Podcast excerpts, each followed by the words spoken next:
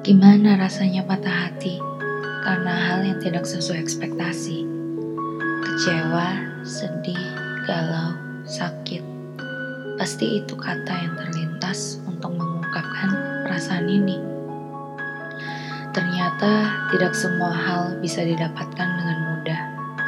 Tidak semua hal bisa sejalan dengan apa yang kita pikirkan. Banyak faktor yang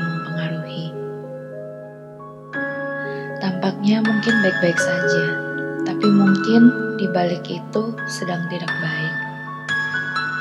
Yang terlihat sukses selalu menggiurkan. Ada rasa iri, ada rasa cemburu, dan akhirnya mulai membandingkan diri sendiri dengan mereka. Rasanya semua orang dengan mudah mendapatkan apa yang mereka mau. Tapi kenapa aku sulit?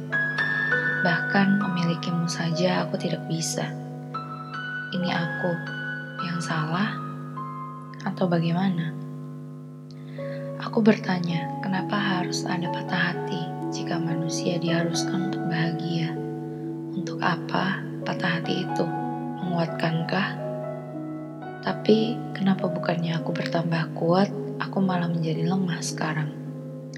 Seperti tidak punya tenaga lagi.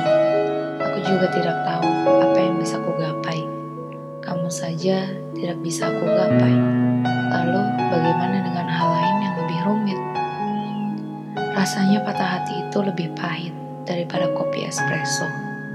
Patah hati itu sakitnya tidak bisa dijelaskan.